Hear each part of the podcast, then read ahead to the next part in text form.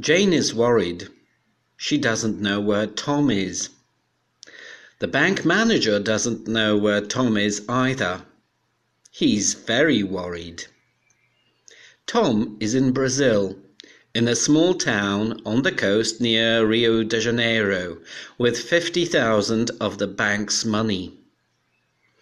He is sitting in a bar near the beach drinking a large martini and writing a letter to Jane.